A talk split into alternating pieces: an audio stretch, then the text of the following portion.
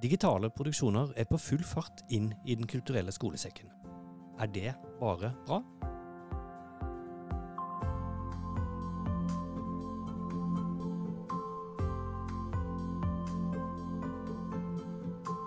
Velkommen til Kulturtanker, en podkast fra Kulturtanken. Jeg heter Torgeir Engen. Debatten om det digitale tilbudets plass i Den kulturelle skolesekken ble ikke et mindre relevant samtaleemne når korona kom. For da skolene stengte og DKS ikke lenger hadde sin vante manesje, så var det mange som heiv seg rundt og skapte digitale tilbud i ekspressfart. Med varierende hell, naturlig nok, når man må jobbe raskt og eksperimentere seg fram. I den siste tiden så har det pågått et ordskifte om de digitale produksjonene i DKS. Om verdien av det digitale tilbudet, og om hvordan og hvorfor vi trenger det. Og med fare for å stikke tærne i glovarmt vann, så er det det vi skal ta tak i i denne episoden av Kulturtanker.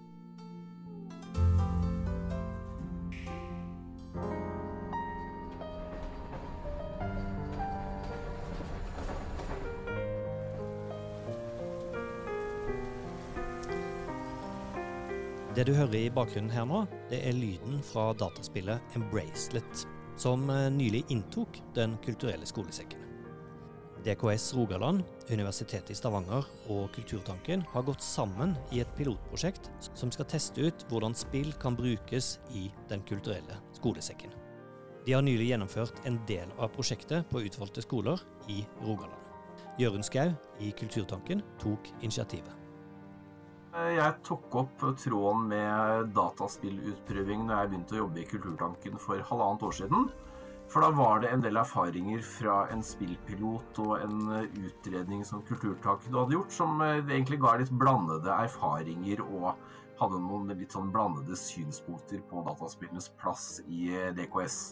Den forrige dataspillutprøvingen den svikta vel litt når det gjaldt å få elevene til å oppfatte det som en kunstopplevelse. Så jeg tenkte at det kan vi skru til noen hakk og få det litt strammere og litt mer i retning av en ordentlig kunst- og kulturopplevelse. Men da gjelder det jo å finne rette spill og rette samarbeidspartnere. Så da tenkte jeg som så at det er interessant å sette lærerutdanningen i dialog med DKS. Så da gikk jeg til Universitetet i Stavanger, hvor jeg kjenner folk på lærerutdanningen og didakt, didaktisk digitalt verksted, som er en digital læringslab for lærerstudenter på UiS. Hva er det dere prøver å finne ut med den piloten her? Vi prøver å finne ut av hvordan dataspill kan formidles i DKS, rett og slett. Det gjøres jo allerede, og det er mange ulike erfaringer med dataspill i DKS, både som selvstendige produksjoner og som en del av andre produksjoner eller knytta til andre kunst- og kulturuttrykk. Men her er egentlig målet å finne en slags oppskrift på hvordan man kan bruke narrativt rike, litt annerledes dataspill enn det barn og unge spiller til daglig. Ting som har eller annen, et eller annet kunstnerisk tyngdepunkt eller nedslagsfelt når det gjelder innhold, design og uttrykk. Hvordan kan det gjøres? Hvordan ser sånne spill ut? Hvor lange er de? Hva er viktig å legge vekt på i formidlingen, og nøyaktig hva er det som gjør dem til kunst- og kulturopplevelser. Det er sånne ting vi prøver å utforske med denne spillpiloten. Det er to spill som testes ut i denne piloten. Never Alone er et spill som foregår i Alaska og går inn i mytene til urfolk der.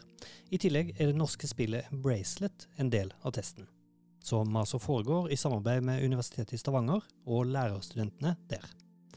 Paolo Haaland Scarbocci er prosjektleder for UES, og forklarer oss først hva digitalt didaktisk verksted er for noe. Det er kort fortalt et undervisningsverksted som vi har etablert på UiS, som åpna i 2017. Og det skal jo være et sånn, litt sånn innovativt, utforskende, eksperimentelt læringsrom for lærerstudenter. Helt fra på barnehagetrinnet eller barnehagelærerstudenter og opp til lektorstudenter. Så tanken er jo at studentene skal få lov å komme inn og bli litt kjent med nye digitale verktøy og tenke det inn i undervisning og, og, og fag og ulike trinn og sånt. At, at en ikke bare tar i bruk teknologien for teknologien sin skyld, men, men at de de skal tenke som lærere fortsatt. Det, det, er ikke noe, det er ikke noe at DDV-en skal liksom bare putte inn masse elektronikk og masse fancy utstyr. Eh, de skal, de skal tenke på hvordan eh, kan eventuelt disse verktøyene være med å supplere og kanskje gjøre undervisningen mer eh, variert, og kanskje òg mer motiverende for elevene. Men du, spillpiloten i DKS Rogaland, hvilken rolle har dere hatt i det prosjektet? Vi har hatt den rollen at vi gjennomfører, står for selve den praktiske gjennomføringen ute på skolene. Uh, så det er, jo, det er, jo, lærerstudentene hos oss som, som faktisk uh, da opptrer som formidlere og, og, og sånn sett som lærere. det er de som starter opp når de går inn i klasserommet og, og gjør dette som en type, sånn, en type undervisningsøkt, men vi har liksom understreket at dette skal være noe litt annerledes enn en klassisk skoletime. Um, og så stiller jeg meg litt mer på siden, litt mer med forskerblikket, og står for intervjuer av elever og sånt etterpå. Um, vi har med oss spillmaskinene ut. Um, iPadene og, spillkontrollene og spillene, ikke minst. Vi må jo ha spillene. Og har på en måte klargjort alt det tekniske, så vi legger det bare på en måte i hendene på, på elevene og, og forklarer dem hva dette spillet er. Begynner å spille, sett i gang, vær så god. Og så er vi nysgjerrige på hva skjer. Og Hvis du liksom skal mm. prøve å male et bilde av hvordan det ser ut, da, så, så er det altså én eller flere lærerstudenter i et klasserom og alle elevene sitter med hver sin enhet av et eller annet eh, slag. Hjelp meg å se det for meg. Og Da er det sånn, vi, vi går bare inn, presenterer oss. Eh, læreren har på forhånd orientert bitte litt om prosjektet, eh, så vi starter ganske fort opp med, å, med at de får starte å spille. Vi har lagt klart alle spillmaskinene, alle iPadene på pultene når de kommer. Eh, og så bare sier vi at de får ikke lov å åpne det opp før vi gir et klarsignal. Og når vi gjør det, så Og, og forklart spillet veldig, veldig veldig kort, så får de liksom bare sette i gang. Det skal være litt sånn utforskende og litt, uh, litt uventa, og ikke at vi har fortalt de alt om hva dette er. De skal få lov å finne ut det litt sjøl på veien. Så da sitter de uh, uh, Ja, det er jo litt forskjellig de to, på de to spillene, men eller òg i gjennomføring, fordi vi har valgt Noen skal spille alene, selvstendig, Eh, på én skole, og på en annen skole har vi f.eks. valgt at de skal spille i grupper, bare for å se om det er noe ulike reaksjonsmønstre på det. Um, men da, de, de, spiller da typisk ja, ganske sånn uforstyrret i en times tid. Selve formidlingsopplegget varer i tre timer totalt. Uh, men de spiller ganske lenge før vi gjør en sånn uh, liten stopp. De, jo, de får utdelt et ark med ting de skal liksom krysse av eller skrive på noen punkter om hva de observerer, eller ting de lurer på. Sånn at sånn som med Embracelet, så var jo et av punktene at hvis du har spørsmål til spillutvikleren, Mattis Folkestad, så noter det ned. Uh, og det gjorde de. Da stilte de jo sånne spørsmål om hvorfor han hadde designa spillet sånn og slik, og om det er gøy å være spillutvikler om han ble rik, og, og sånne ting òg. um, før de da møtte han uh, på en måte den siste halvtimen av, av det formidlingsopplegget. Etter at elevene hadde spilt så langt de kom, så fikk de altså møte han som hadde laga spillet, Embracelet, Mattis Folkestad. Og det skal du få også. Embracelet er jo et uh, eventyrspill som er satt til Nord-Norge. Det er en, et historiedrevet uh, dataspill der du spiller en ung gutt, en tenåring som heter Jesper, som vokste opp i en norsk storby og han arva etter hvert et magisk armbånd fra bestefaren sin som har vokst opp nordpå. Uh, og som i historien da, i spillet så får du da lov til å reise nordover for å finne ut mysteriet bak det her magiske armbåndet, og også hvorfor bestefaren forlot Nord-Norge og aldri kom tilbake. Så det er et spill som både tar for seg liksom nordnorsk kultur og Utkants-Norge, og distriktspolitikk, men også liksom noe magisk realisme om det her eh, armbåndet som du bruker for å eh, løse forskjellige oppgaver som du har i, i, løpet av spillet. Nå er det kanskje ikke alle som hører på denne podkasten som er så bevandra i spillverden. Hvilken type spill er det, hvis du skal liksom forklare med enkle ord? Jeg vil si at det er som en eh, interaktiv film. der du styrer handlinga, eh, og du styrer på en måte Jesper sjøl, kan bestemme litt hva han skal si, hva han skal svare til folk som han møter. Og så har du også en del sånne puzzles, altså sånne oppgavenøtter som du må knekke i løpet av eh, spillet, der du må bruke det armbåndet som har de magiske egenskapene, som kan flytte rundt på, på forskjellige objekter. og Eh, og sette ting i rekkefølge og på en måte løse forskjellige oppgaver. Så det er en sånn blanding av en film, og en tegneserie og et uh, oppgavebasert dataspill. Ja. Men du, når du lagde dette spillet, var det, altså, var det Hadde du en spesiell målgruppe i tankene? Altså, er det laga for barn og ungdom eller voksne? Eller, har, har, du tenkt noe sånn over det? Ja, eh, det her spillet fikk jo støtte fra Norsk Filminstitutt eh, under ordninga som heter eh, Dataspill eh, under eh, kunstnerisk vurdering, heter det vel, noe sånt. og i søknaden så hadde jeg jo skrevet litt om prosjektet, og målsettingen der var jo å treffe ungdommer fra tidlig, tidlig, ung, tidlig, ung, voksen og oppover. Så eh, på en måte kjernemålgruppa var liksom 16 til 20, noen og 20, kanskje. Så på en måte det, det, liksom det handler, spillet handler liksom den løsrivelsesfasen. Da. Så det, det, er et spill som egner seg veldig godt å spille for eh, liksom, ungdom og, og, og pluss. Og så er det på en måte egentlig ikke noe øvre aldersgrense. Føler du etter dette prosjektet at dataspill har en plass eh, som et kulturuttrykk i Den kulturelle skolesekken? Absolutt. Jeg tror det her er kjempe, en kjempekul arena eh, for å få ungdom eh, eh, veldig engasjert. For jeg tenker at det, det, her er et kulturprodukt som de bruker daglig, som de har masse interesse for og, og masse kjennskap til også. Men de har ikke så masse kjennskap til liksom andre typer kulturelle opplevelser innenfor dataspillsjangeren, som er kjempevid. Så jeg tenker at det her er eh, det er mange mange spennende muligheter for å tilby liksom, helt nye kulturelle opplevelser som, eh, som, virkelig kan treffe elevene. Og det er jo, tenker jeg, liksom, det, er jo det, det vi skal. Prosjektet i Rogaland er laga for å teste ut én form for digitale produksjoner i DKS, grundig. Men det siste året har det vært en luksus som mange ikke har eh, kunnet unne seg, å teste og planlegge. Da skolene stengte og DKS med det var frarøva de fleste scenene som eh, vi har, så var det mange som ekspressutvikla et større digitalt tilbud. For å tilby noe til publikummet der de satt på Teams for første gang i livet.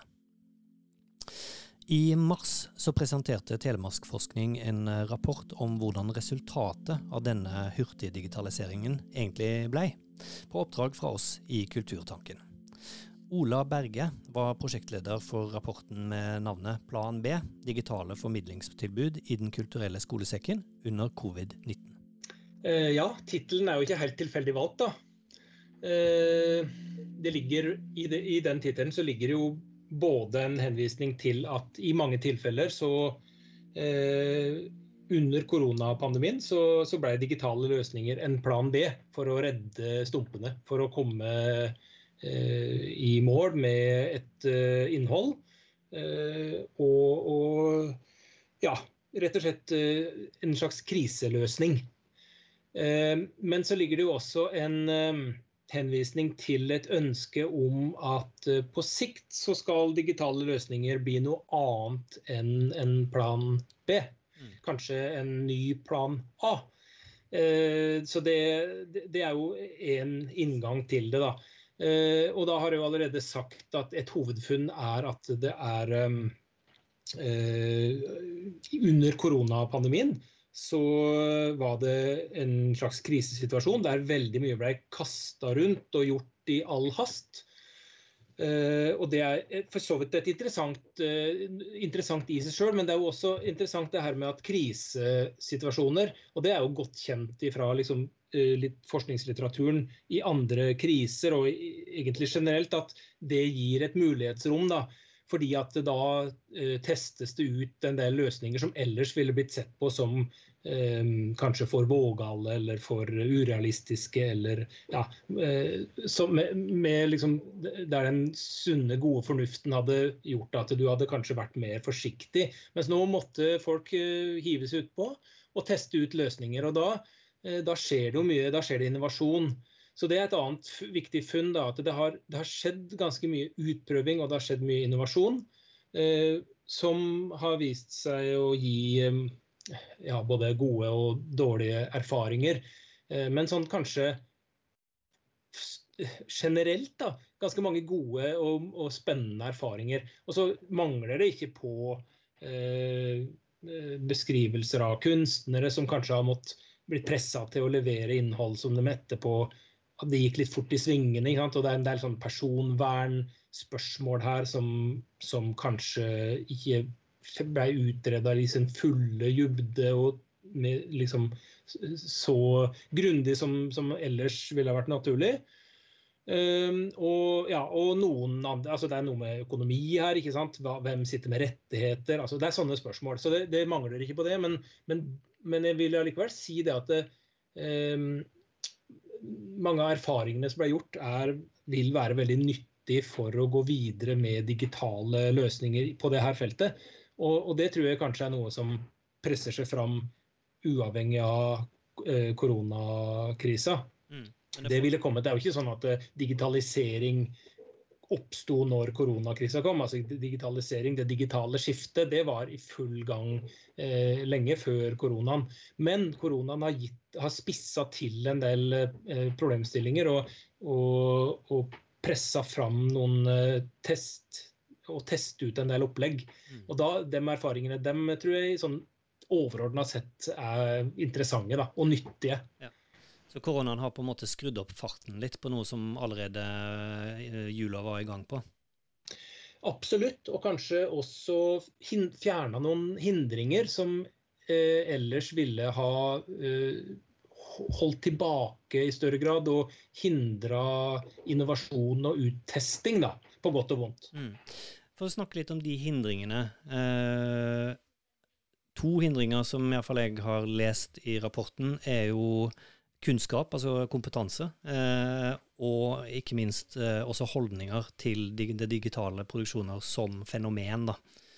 Eh, mm. Er de to tingene større brems, bremser enn en andre? De henger jo dessuten sammen ofte, da. Ja, det, altså den aller største Det er viktig for meg å formidle det at noe av den skepsisen som vi møtte. Altså, det er jo lett i sånne sammenhenger å tenke at skepsis er noe negativt, at det er noe som hindrer en, en naturlig og god utvikling. Men altså, det er viktig å understreke at noe av den skepsisen er veldig velbegrunna og, på, og betimelig.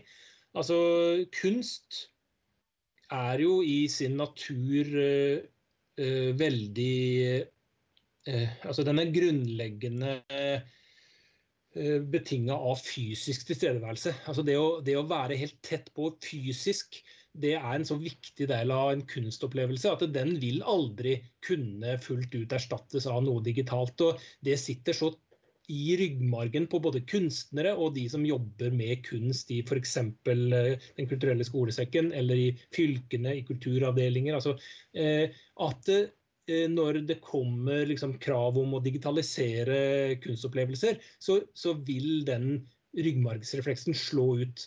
Og det, er, og det, er, veldig bra. Det er veldig lurt. Um, samtidig da, så er jo det poenget som vi prøver å gjøre i rapporten, er jo at uh, må også slippe fram de stemmene som, som sier at ja, vel og bra med betenkeligheter her, men vi må også altså hva, hva, kan digitale løsninger tilføre i tillegg til de her fysiske møtene?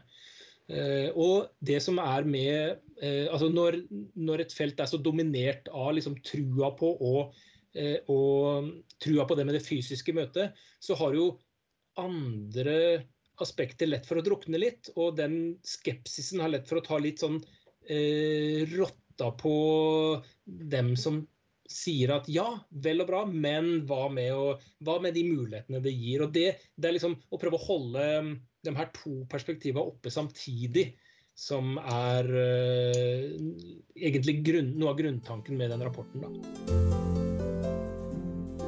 Rask innovasjon, men eh, også mange utfordringer som fremdeles er uløst rundt økonomi, rettigheter og også kvalitet, er noe av det vi sitter igjen med etter et drøyt år med hurtigdigitalisering i DKS. Og nå starter arbeidet med å ta lærdom av året som har gått, og finne gode måter å utnytte teknologien på, til det beste for publikummet. Og da må vi diskutere.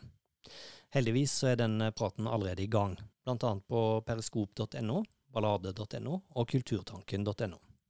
For ikke så lenge siden så skrev Marit Bakken og Kjetil Hustad i DKS Trøndelag et innlegg om erfaringene de hadde gjort seg det siste året, og lurte på om de andre i DKS hadde fått mediepanikk siden de ikke tok tak i de samme produksjonene.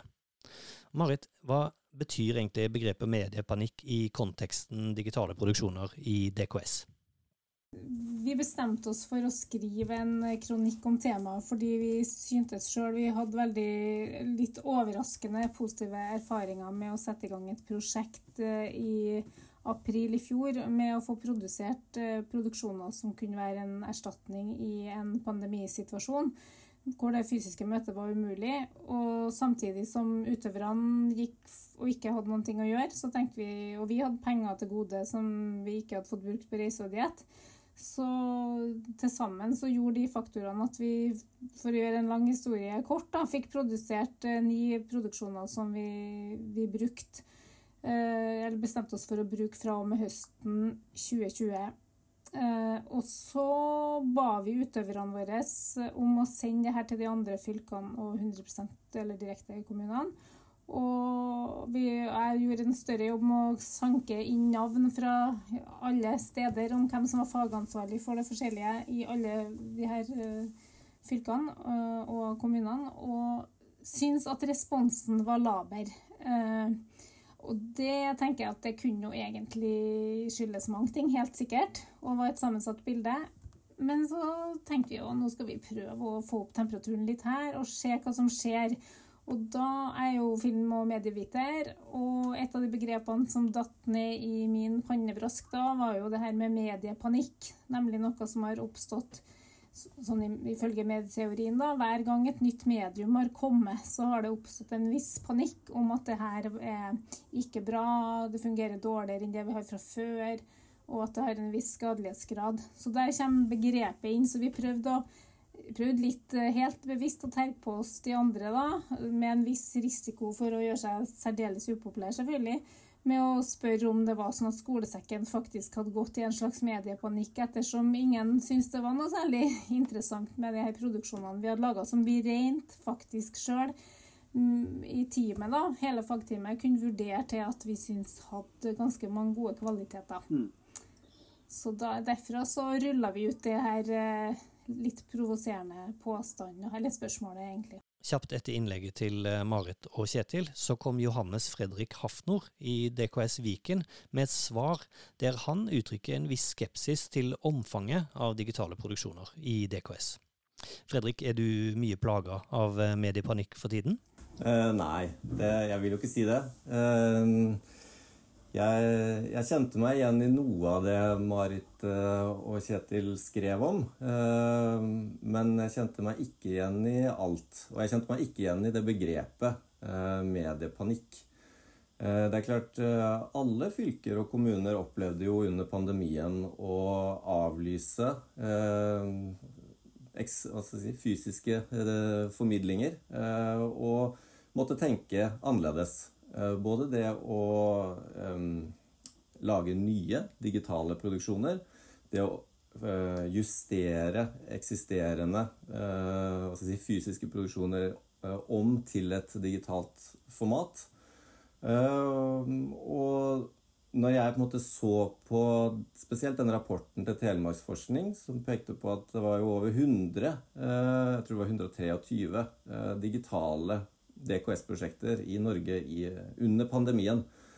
Uh, og i DKS Viken hadde vi vel en 36 digitale produksjoner uh, gjennom det litt over et halvår.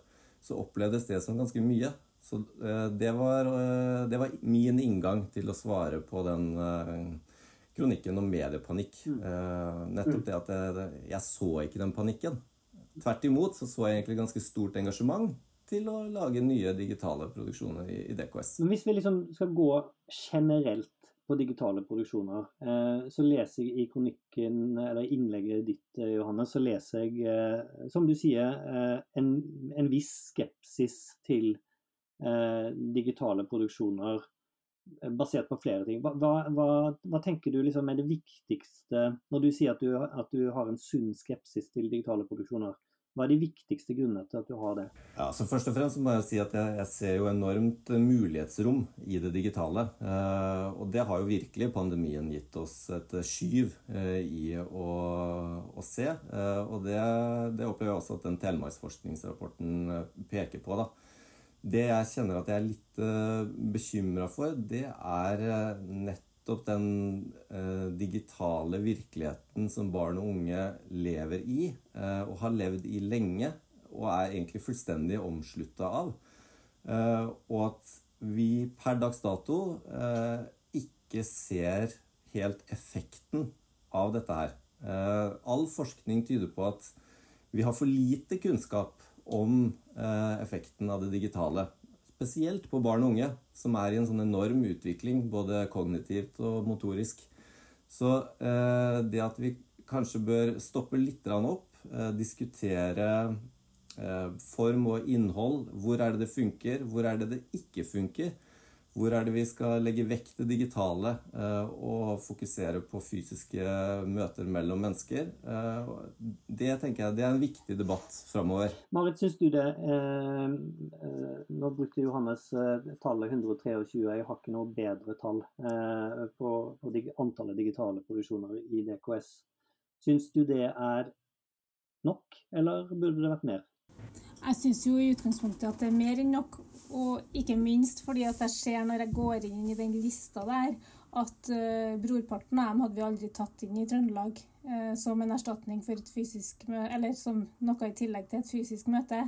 Fordi mye av det er jo f.eks. en film som er sendt ut som en annen film. Altså det, er mye, det, er litt sånn, litt lurvete registrert hva som er en digital produksjon.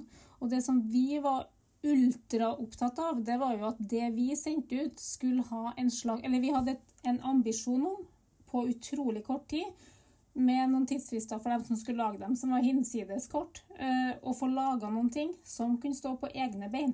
Nemlig ikke være en erstatning. Og det skulle ikke være en avfilming av noe som skulle ha vært fysisk. Mm, og, og, jeg tror kanskje ikke vi Og jeg tror at alle sammen satt jo mer enn nok oppi sitt eh, langt oppi halsen på det tidspunktet hvor vi var positive og kjørte ut med de her utøverne våre som må tilby det de har laga. Jeg tror at folk ikke hadde kikka på det. For jeg tror at uh, mange av de her har en høy kvalitet og står absolutt på egne bein. Så jeg kan trekke frem et eksempel. da. Og jeg tror at, at eh, det vi ønska med kronikken vår, var jo å få opp en diskusjon på hva er god og dårlig digital formidling. Ikke sånn digital formidling er bra eller dårlig for barn. Den, den eh, gata går ikke jeg inn i heller, jeg. For der tenker jeg, der snakker vi mediepanikk. Kanskje ikke, men der snakker vi på en måte nok en annen type forskning som må gjøres. Eh, selvfølgelig, det er jeg helt enig med, men det er et for stort område til å gå inn og ha skeptisk til. For vi skal kunne vi skal kunne vurdere ut ifra våre kvalitetskriterier hva som er bra og dårlig her. Så tilbake til eksempelet mitt. da. Det var en um, produksjon som heter 'Kunsten å se kunst', som er laga sammen uh, som en filmregissør har laga sammen med Nordenfjelske kunstindustrimuseum i Trondheim. Hvor de viser fram et knippe kunstverk med å bruke en helt spesiell eh, optikk. Eh, bruke lyssette, sette på en dreieskive, komponere spesiallaga musikk til det og ha en kurator som snakker om kunstverket. Jeg vet at jeg som barn har vært på Kunstindustrimuseet og syntes det var dritkjedelig. Fordi jeg så jo ikke heller, for klassen vår min var stor, og ikke så noe det her kunstverket, og det var bitte lite. Og det var ikke noe særlig sånn snasent presentert, rett og slett. Eh, og jeg ble forstyrra hvis jeg syntes noe var interessant av de andre elevene. Det blir ikke dem som ser kunsten og ser kunst. Så der tenker jeg òg dem som ikke Og jeg jobber jo i Trøndelag fylke, ikke Trondheim kommune, hvor det her museet ligger.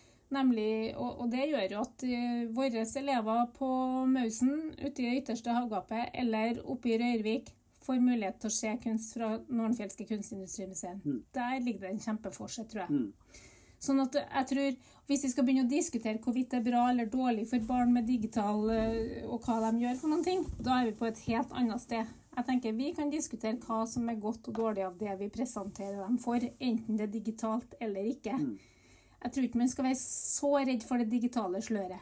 Jeg tenker at det er fint å ta på en geitbåt, men hvis du bor 40 mil unna Geitbåtmuseet, så får du ikke anledning til å ta på båten likevel, eller kjenne hva den lukter. Så da kan du få se den på en film, faktisk. Men er ikke det eh, Marit sier et veldig på en måte sentralt poeng, eh, Johannes, i forhold til det å tilgjengeliggjøre produksjonene som er i, i DKS? At digitale eh, produksjoner har en veldig stor fordel eh, i den forstand at det faktisk kan nå alle. Eh, jo, jo, da, altså igjen, det er veldig mange positive ting ved digitale produksjoner. Men så må vi også eh, rydde litt i terminologien her. Eh, fordi eh, snakker vi om en digital plattform, eller snakker vi om digital kunst? Altså her opplever jeg at det brukes eh, begreper som blandes i hverandre eh, hele tiden. og spesielt dette med bruk av digital kunst. det er min erfaring at det har vi holdt på med i DKS i mange, mange år. Eh, og det har vi til og med blitt instruert av staten om å gjøre eh, i tildelingsbrev til fylkeskommuner og kommuner. Eh, om å på en måte forholde oss til eh, det digitale, for å si det sånn. Og jeg husker selv for eh, seks år siden så brukte vi Engasjerte vi de eldste elevene våre til å laste ned en app på Momentum-biennalen i Moss, hvor de på en måte kunne bruke og det var en del av et kunstverk, rett og slett, med, med russiske kunstnere som eh, ønska å engasjere elevene til diskusjon om overvåkningssystem. Og denne appen trekka elevene og, og fulgte dem, og de ble forfulgt. Og det var en ganske sånn ubehagelig følelse av paranoia gjennom den bruken av den appen. Og egentlig opplevelsen av det kunstverket og det, eh, det, tenker jeg da er, da er det kunstnerisk eh, motivert, eh, det digitale. Og da fungerer det godt, da, er min påstand. Men vi trenger ikke legge til det digitale kun for å ha det digitale, fordi at vi skal måte, treffe barn og unges virkelighet. Da tror jeg vi, vi blander korta litt. Og så er det dette med denne plattformen, den digitale plattformen. Det er jo noe som har blitt eskalert virkelig i, i pandemiens tid. Så, um, så, her er det også liksom fallgruver eh, i forhold til at vi, vi kan også miste publikummet vårt i, i disse digitale plattformene, um, som jeg er litt sånn bekymret for. Det er veldig lett å skru av uh, en skjerm um, når man ikke sitter der og, og, følger med, på en måte. Men du, jeg, jeg tenker faktisk ikke at vi i Trøndelag har laga digital kunst. Vi har laga noe som kan kan møte elevene uten at det er en utøver med. Det er vår definisjon av at det er digitalt. da. Fordi Hadde du gjort det her for noen år siden, så var jo ikke filmen digital, den var jo analog. Så da hadde vi sannsynligvis ikke kunnet kalt det her digitalt. Så, så det er jo vår definisjon ut ifra det. Så jeg tenker, Men det er likevel to helt forskjellige diskusjoner hvorvidt det digitale er bra eller dårlig i seg sjøl, og hvorvidt det man presenterer kan fungere eller ikke i en sammenheng. Så jeg tror, jeg tror egentlig at vi er litt sånn Altså, jeg er jo ikke uenig i noe av det du sier, og det du sier er, ingen, er ikke det som vi har påstått heller. Så jeg tenker det, det, det er litt som et prisme her, som er liksom hvilken vei du ser det gjennom. da. Men det er jo det som gjør at denne debatten er så viktig og fin å ha. da, At vi kan snakke om det fra forskjellige syn. For det, det er klart at uh, jeg, jeg, sitter her med ungdommer i heimen, og jeg har jo ikke vært blotta for uh, bekymring for uh, det digitale livet deres eller ikke. Så men jeg tenker at vi som, det er nettopp derfor jeg tror at vi som DKS som en slags institusjon da, kan tilby noe som fungerer godt da, på premissene våre. Det tror jeg er viktig. da. Hva tror du Johannes, vi må gjøre for å på en måte skape digitale produksjoner som, som, som fungerer, eller som er gode nok? Eh, er det prosjekter som, som det Marit eh, og co. har hatt i, i Trøndelag som er løsningen, eller er det Burde man gjøre noe annet? Ja, altså jeg tror veldig på å utforske disse tingene. Eh, ikke være redd for å feile. Eh, for dette er et sånn uoversiktlig landskap. Eh, og jeg tror også dette med spillteknologi er kjempespennende. i, DKS-sammenheng. Her tror jeg vi har en, et stort mulighetsrom for å på en måte treffe elevene eh, med noen andre typer verktøy, da, rett og slett. Eh, og at vi kan bruke spill, altså seriøs eh, spill da, eh, i, som en del av DKS-formidlinga. Der har vi også en god inngangsport til, til skolen da, og, og, læring. Så, så, jeg ser jo absolutt muligheter til dette her. Og, og det er ikke sånn at det ene er dårlig, og det andre er veldig bra. Det, er, det handler litt om hva er det som er bra, uh, og prøve å definere det. Hva er det som ikke er bra? Når var det de skrudde av skjermen uh, og forsvant for oss? Og, når var det de ble påkobla? Og når var det læreren liksom tok opp ballen og, og, og diskuterte disse tingene videre med elevene i etterkant? Eh, jeg er jo jeg er veldig opptatt av, at, av lærerens rolle i DKS. Jeg tenker det, De har et enormt mulighetsrom til å bruke kunsten de får presentert eh, gjennom DKS, eh, til å heve kvaliteten rett og slett, da, på opplevelsen til elevene. Johannes Fredrik Hafnor fra DKS Viken og Marit Bakken i DKS Trøndelag er altså to av stemmene i diskusjonen om det digitale tilbudet i Den kulturelle skolesekken. En eh, viktig debatt som trenger flere stemmer for å sikre at alt blir tatt i betraktning når eh, fremtidens kulturelle skolesekk skal fylles med innhold.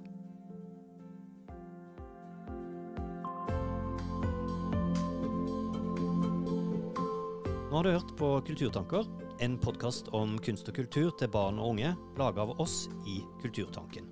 Følg oss gjerne på Instagram og Facebook, og du kan også abonnere på denne podkasten.